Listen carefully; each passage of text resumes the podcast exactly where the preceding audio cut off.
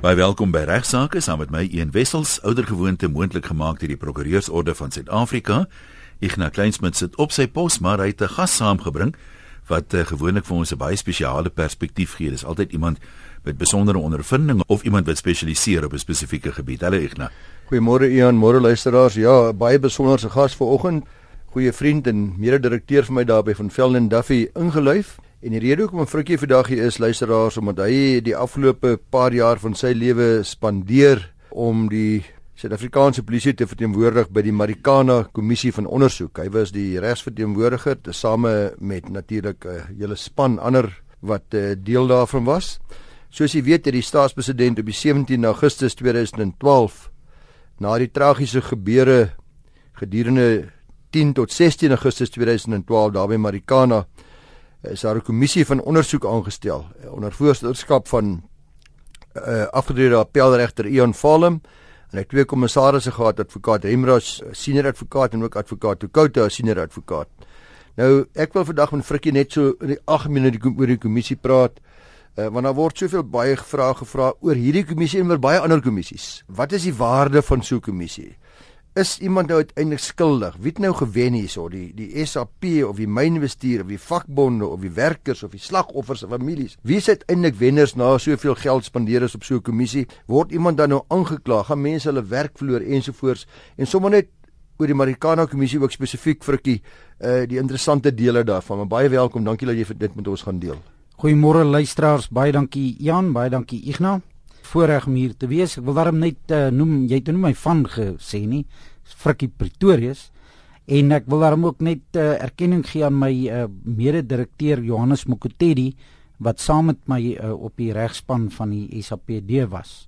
Ja, ek nou die uh, soos jy reeds sê, die kommissie is 'n uh, van ondersoek uh, en dit is presies wat uh, die naam aandui. En uh, die doel van die kommissie was dat uh, die kommissie 'n uh, aanbeveling aan die staatspresident uh, moes maak of daar enige rolspeler gedurende daardie tydperk van die onwettige staking by Marikana het sy deur middel van 'n spesifieke handeling of 'n late direk of indirek die oorsaak van enige lewensverlies was uh, wat enige persoon met ander woorde gedood is en of daar enige persoon se bates uh, beskadig is Frikkie, jy praat hier van rolspelers en watter rolspelers praat ons nou wat spesifiek die Marikana kommissie betref? Ja, ek gaan maar net die name noem. Uh, eerstens was dit uh, Lonmin Mine wat die werkgewer van die werknemers was. Ehm uh, die Suid-Afrikaanse Polisie Diens, dan AMKU, uh, die Association of Mine Workers and Construction Union en dan die bekende NUM, a National Union of Mine Workers en dan die ander baie belangrike deel of rolspelers was die uh, individue en die losgroeperings wat vir die samekoms en die onwettige staking en uiteindelike konflik verantwoordelik was. Ek dink vir baie van ons luisteraars kry soms die indruk dat kommissies nimmer eindigend is. Ek weet byvoorbeeld omdat ek eh, nou mede-direkteur van jou is dat aanvanklik was die gedagte dat hierdie kommissie aangekondig is in, in Augustus 2012 of daar rond en die hele gevra is om die polisie te verteenwoordig dat ons gedink het wel kom ons sê dit's reg so want Frikkie en Johannes Mokoteri Frikkie Pretoria nou Johannes Mokoteri sal waarskynlik so 3 maande die kantoor het wees 3 of 4 maande in daai tyd. Ja. Ons is nou in 2015. Dit het uiteindelik baie lank geduur. Die groot tragedie het plaasgevind op die 16 Augustus 2012, maar die kommissie se sitting het eers begin die 1 Oktober 2012 en die laaste sitting was die 14 November 2014. So 'n bietjie meer as 2 jaar. 2 ja, jaar en 'n paar maande. En 'n paar maande. In plaas van die aanvanklike 3 of 4 maande. Ja, en daar was by 3 geleenthede aansoek gedoen by die staatspresident dat die tydperk verleng moet word. Maar ek wil daarom net hier noem dat hierdie was nie 'n maklike kommissie nie. Die emosies was baie hoog en dit is uh, ongelukkig ehm uh, baie faktore wat die werk van die kommissie uh, bemoeilik het. Um, en ek Ek het nogal uh, begrip daarvoor gehad dat uh, die kommissie so lank vat alhoewel ek dink selfs die selfs die kommissarisse sal erken dat hulle op 'n stadium bietjie strenger uh, moes opgetree het. Kommissaris het 'n baie moeilike taak gehad as ook die emosionele impak wat die saak seker gehad het op baie mense nê. Nee. Dit was in Suid-Afrika seker die gebeurtenis wat baie van ons lewenslank sal bybly. Ja, dit was een van die grootste uh, tragedies waarby die polisie uh, betrokke was. Definitief die grootste in die uh, nuwe demokrasie van Suid-Afrika en daarom uh, die emosies baie hoog geloop. Jy moet net vir vir jouself indink. Daar was familielede van oorledenes wat die kommissie op 'n daaglikse basis bygewoon het wat van die Oos-Kaap of van Lesotho of van Swaziland was en hulle wou vra, hulle wou antwoorde op hulle vrae. En dit is nie so maklik uh, gewees nie en dan moet hulle nog daar sit en dan hoor hulle getuienis waar hulle geliefdes uh beskuldig is van aggressie. So dit het die dit het die kommissie se werk baie moeilik gemaak. Jy het nou reeds genoem virkie dat mense moet besef dat dis 'n kommissie van ondersoek soos die naam aandui en dat dit nie dis hofverrigtinge is nie. Nie die normale soort van prosesse nie en daarom kan daar ook die sprake wees soos ek nou vir jou vroeër vra wie het nou gewen nie. Maar terloops is daar al 'n uitspraak gegee want eh, wag ons nog. Ja, jy sien dis nou presies, daar's nie 'n uitspraak nie, daar's 'n aanbeveling, aanbeveling gemaak. Ja. Die kommissarisse het reeds hulle verslag aan die staatspresident uh, oorhandig en aanbevelings gemaak. Maar wat baie interessant is, daar is geen wetgewing wat die staatspresident verplig om hierdie verslag bekend te maak of die inhoud daarvan bekend te maak. Maar ek dink in hierdie geval sal uh, die openbare belang baie meer weeg en ek het geen twyfel dat die staatspresident die verslag of ten minste die aanbevelings van die uh, kommissie uh, bekend sal maak.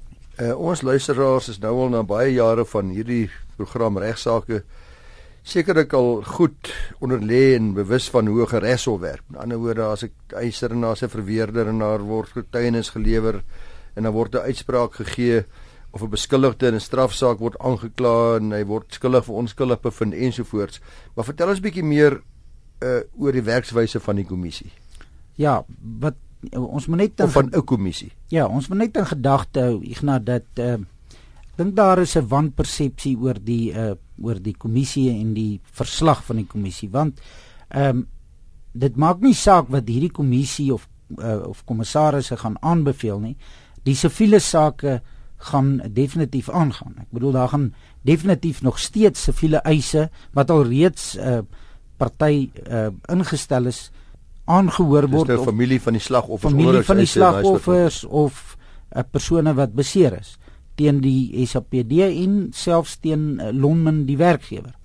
Maar by hoe die kommissie te werk gaan is uh, die drie kommissarisse het 'n uh, span van senior advokate aangestel wat uh, aan jou ook bekend is en ek uh, uh, en hulle is almal gerespekteerde uh, regslui in Suid-Afrika en hulle was die uh, was die leiers die getuienis leiers wat hulle doen is hulle het, uh, voorgeloop amper soos aanklaers opgetree maar hulle het uh, meer 'n uh, uh, uh, baie meer uitvoerende uh, uh, uh, gesag gehad hulle kon byvoorbeeld uh, persone dagvaar om met hulle on, uh, met hulle onderhoud te voer. Hulle kon uh, uh, ons vra en versoek en eintlik in 'n sekere sin dwing dat 'n persoon 'n verklaring moet aflê. En so het hulle ook aanbevelings gemaak watter getuies ge, uh, geroep moet word om mondelingse getuienis te kom gee by die kommissie. Dit is baie interessant. Daar het in totaal 56 getuies ehm um, mondelingse getuies uh, getuienis gelewer wat eintlik min is as jy die tydperk vat en dit is nogal 'n probleem as jy net die Oscar Pistorius saak vat ehm um, is daar 20 getuies wat getuig het in 'n baie korter tyd is as die kommissie ja nie praat jy van 27 maande en 56 getuies soos uh... dit is eintlik uh, kommerwekkend om ja. te dink daar's daar's party van hierdie getuies wat vir 30 dae aan een getuig het mm.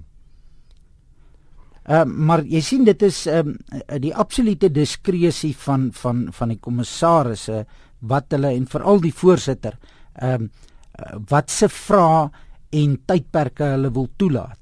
En hulle het eers hier teen die einde baie strenger probeer optree teen die regslui wat uit die aard van die saak onnodige vrae gevra het. Maar weer eens, ek uh, sê dit bietjie tong in die kies omdat die impak van die emosies het 'n groot effek gehad op hierdie saak. Verkeer die Suid-Afrikaanse Menseregte Kommissie, 'n uh, soort van kom ons noem hulle maar die waghond oor menseregte. Dit was my indruk dat hulle geweldig baie moeite gedoen het in hierdie spesifieke kommissie met hierdie spesifieke Barikana saak om te seker te maak dat alle ondersoeke van 'n baie hoë standaard is. Ten einde die weergawe van die Suid-Afrikaanse Polisie Diens behoorlik te toets en vir die kommissarisse in staat te stel om die getuienis en die weergawe van die SAPD met 'n vergrootglas na te kyk. Ja, dit is heeltemal korrek, uh, maar daar was egter uh, baie ernstige besware van die uh, eh, SAPD se senior offisiere dat dit op 'n stadium gevoel het dat die SAPD nou in die beskuldigde bank is en dat dat hulle meer gekonsentreer het op wat die SAPD verkeerd gedoen het. En selfs die ehm um, die menseregte kommissie wat regtig 'n uh, uh, hoë standaard uh, uh, ondersoek uh, gedoen het, uh, het so 'n bietjie uh, myns insiens uh, te veel gekonsentreer op die SAPD. Maar dit was uh, waarskynlik nodig want dit is 'n netelige gebeurtenis of 'n uh, netelige saak wat uh, in in ons geskiedenis gebeur het. Jy moet jy moet net onthou van hierdie 56 getuies wat getuig het, was 28 ISAPD getuies gewees. Ons het ook onder andere die uh, sogenaamde meneer X waarna ek later bietjie sal na verwys uh, wat in 'n getuiebeskermingsprogram opgeneem is, ook geroep om te getuig en ons het onder andere 'n polisie deskundige van die Nederlande, meneer Keis de Rower geroep om 'n uh, deskundige uh, getuienis oor polisie polisieering in die algemeen te kom gee. En die Menseregte Kommissie en die Legal Resources Center, hulle is ook partye wat ook hulle eie getuies se goed gelei het, nê? Nee. Ja, onthou al die partye het getuies geroep, maar hulle twee, daai twee organisasies wat jy nou genoem het, het onder andere ook twee polisie deskundiges, uh, internasionale deskundiges uh, geroep om te getuig. Verkeerd dol vir ons vertel wat 'n gewellige omvang die Marikana kommissie was en ons weet almal hoe belangrik dit was en watter impak dit op Suid-Afrika en Suid-Afrikaners gehad het. Hulle het nou die polisie verteenwoordig. Hoeveel polisiemanne was in teenwoordig daar? Kyk, daar was ongeveer 700 uh, eh, polisielede teenwoordig en hulle almal het uh, ver, uh, beëdigde verklaringe uh, afgelê en daardie beëdigde verklaringe is alles 'n uh, uh, deel van die van die uh, oorkonde van uh, die uh, kommissie. Ek wil net uh, hier noem dat jy moet net onthou party van hierdie polisielede het het ook aanvullende verklaringe hmm. afgelê. So daar's regtig letterlik duisende uh eetsverklaringe ingehandig. Dan is daar ook ander deskundige verklaringe uh ingehandig wat uh deel van die uh van die verslag uh, sal wees en dit is die uh oor mediese verslae, oor die beserings wat opgedoen is, uh die nadoodse ondersoeke, ballistiese verslae wat ook deskundige getuienis is. Dan is daar klankanalises uh uh gedoen deur die uh, mense uh, regte kommissie en hulle het 'n verklaring ingehandig om daardie klankanalises te te uh, verduidelik. Wat was die doel daarvan gewees? Die doel daarvan was as jy uh, julle sal onthou dat op die televisie uitsendings waar die polisie gevuur het, kan jy duidelik sien dat daar 'n bevel deurkom dat die polisielede moet ophou vuur. Jy weet die gewone die uh, staakvuur bevel is gegee. En hulle wou aantoon en daar was beweringe gemaak dat na daardie staakvuur bevel is daar nog 'n onredelike tyd daarna deur polisiemanne 'n uh, uh, lewendige ammunisie afgevuur. So hierdie moet seker 'n geweldige oorkonde wees van hierdie kommissie. Die oorkonde bedoel ek die die rekord van die kommissie, nê. Nee. Ja, dis geweldig baie. Ek bedoel daar's um, um, ek het onder andere is daar nog 'n verklaring van uh, deskundiges oor die rituele wat uh, van hierdie mense uh, ontvang het. Die die totale oorkonde is 40000 uh, bladsye gewees. En dan uh, is soos ek reeds gesê het, is die verklaringe ook uh, ingehandig en daar is ook geweldig baie video-opnames en analises oor video-opnames ingehandig wat alles deel vorm van die verslag. Daar was 'n uh, redelik opslag gemaak op 'n stadium vrae gevra oor hierdie getuie wat dan onder getuiebeskerming moet wees dat dit baie bestadium geklink vir vir ons wat om die breivleisvuur die ding staan en bespreek dit so 'n bietjie van die spionasie riller en die geheime getuienis en uh mense se lewens wat in gevaar was en daar's verwys na meneer X het nou nog daarin gesê en baie publisiteit gegee oor die bestaan van hierdie persoon en, en, en ons spraak wekkende getuienis wat hy sou lewer. Uh wat wat is die posisie wat dit betref? Ja, ehm um, hierdie is 'n normale verskynsel in die Suid-Afrikaanse reg en dit kom ook wêreldwyd uh, voor. Ehm um, in gevolge die Suid-Afrikaanse strafproseswet uh, artikel 204 van die wet uh, is daar 'n bepaling dat die staat 'n getuie kan roep wat en ek gaan dit nou maar in leuke taal stel uh self um, aan die misdaad waaroor hy moet getuig skuldig is. En indien hy openhartig en eerlik uh in daardie uh saak getuig dan sal die hof vir hom vrywaring teen vervolging uh op daardie misdaad en uh ander geoorloofde misdade gee.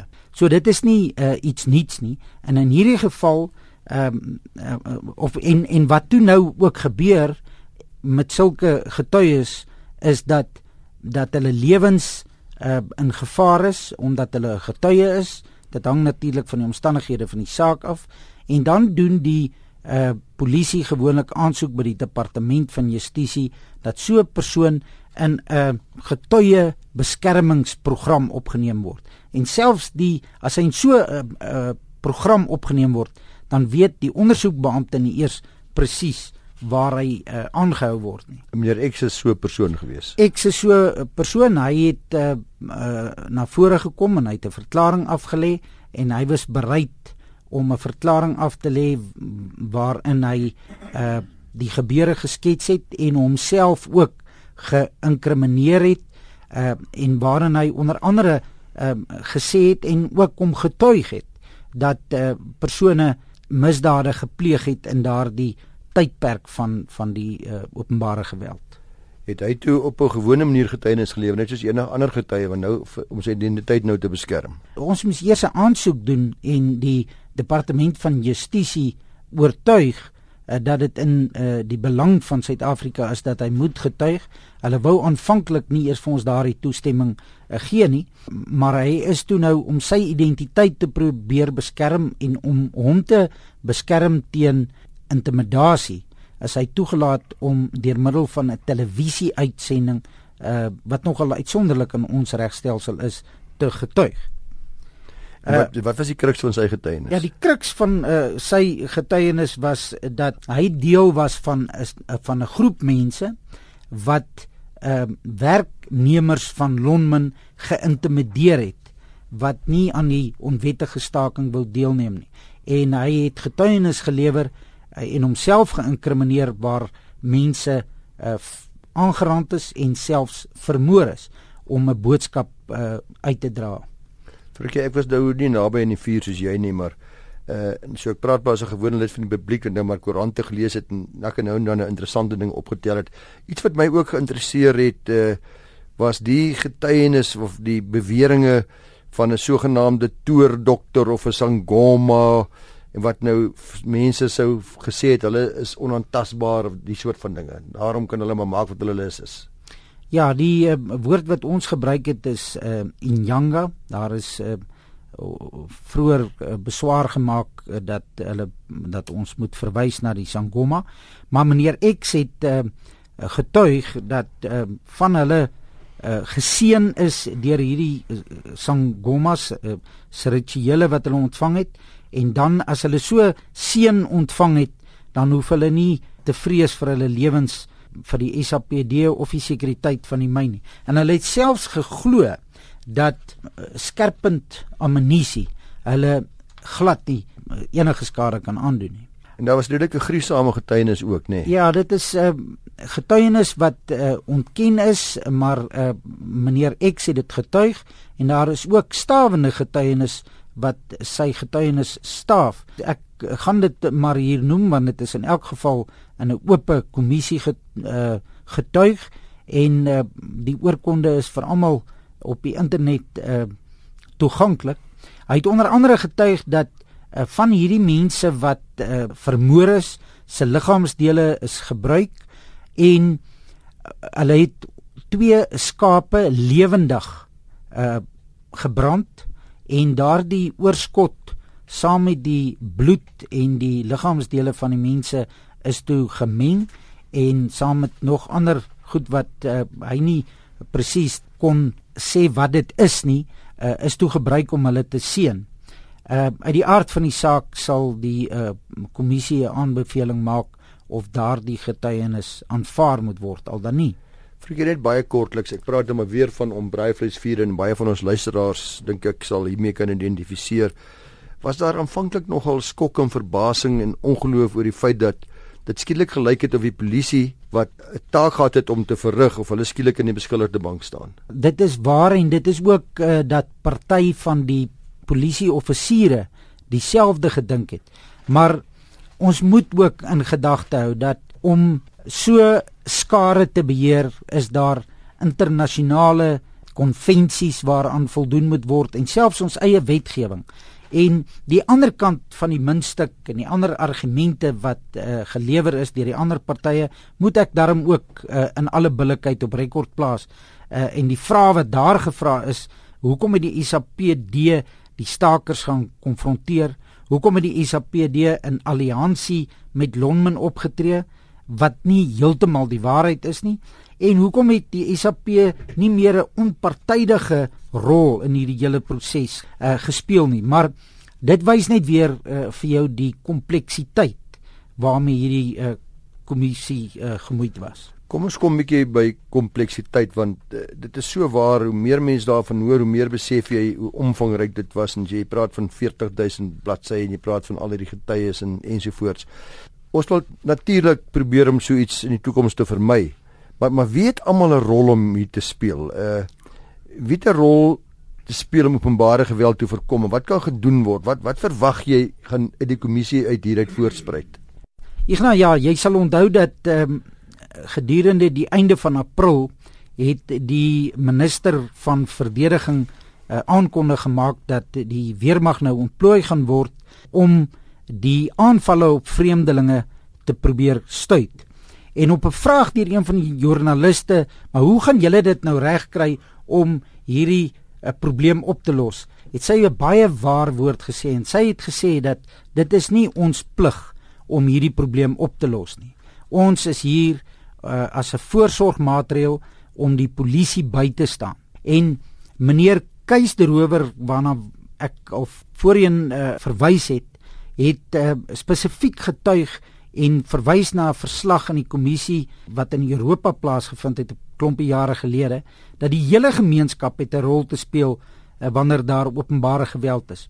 En ons is te geneig om te wag dat net die polisie mag hierdie optrede moet uh, ontlont en daarom is dit uiters belangrik dat die regering uh, asook die plaaslike re uh, regering en ook ander organisasies meer betrokke moet wees om hierdie situasie te ontlont. Hy het onder andere op 'n vraag in kruisondervraging uh, deur een van die advokate van die Menseregte Kommissie gesê, "Maar ek hoor wat u vir my sê, maar waar was waar was julle? Waar was die Menseregte Kommissie in hierdie tydperk van die 9de Augustus tot die 16de Augustus om voorsorgmaatreëls te kon probeer tref om hierdie situasie te ontlont. En ek dink dit is nogal iets wat ons in die toekoms uh sal moet aangryp en meer betrokke raak en nie net agteroor moet sit uh en wag dat die SAPD met uh die probleem moet sit nie. Verkeerde tyd het ons ongelukkig ingehaal. Uh ek sou baie graag nog so klein bietjie met jou wou gesels het. Miskien as jy volgende week vir ons weer kan uh kom gesels ek nog graag so 'n bietjie meer weet oor spesifieke vrae wat gevra is oor daar wat by die koppie gebeur het en veral miskien uh die beskuldigings dat die polisielede op op 'n stadium mense in 'n bos vasgekeer het net roekeloos geskiet het terwyl hulle weerloos was. Uh ag en 'n bietjie ook met jou net gesels oor belangrike ding van gaan na weer Amerikaners. Wat gaan ons doen om te verhoed? Was hierdie kommissie suksesvol? Ons gesels dan volgende week verder oor die Amerikaner kommissie.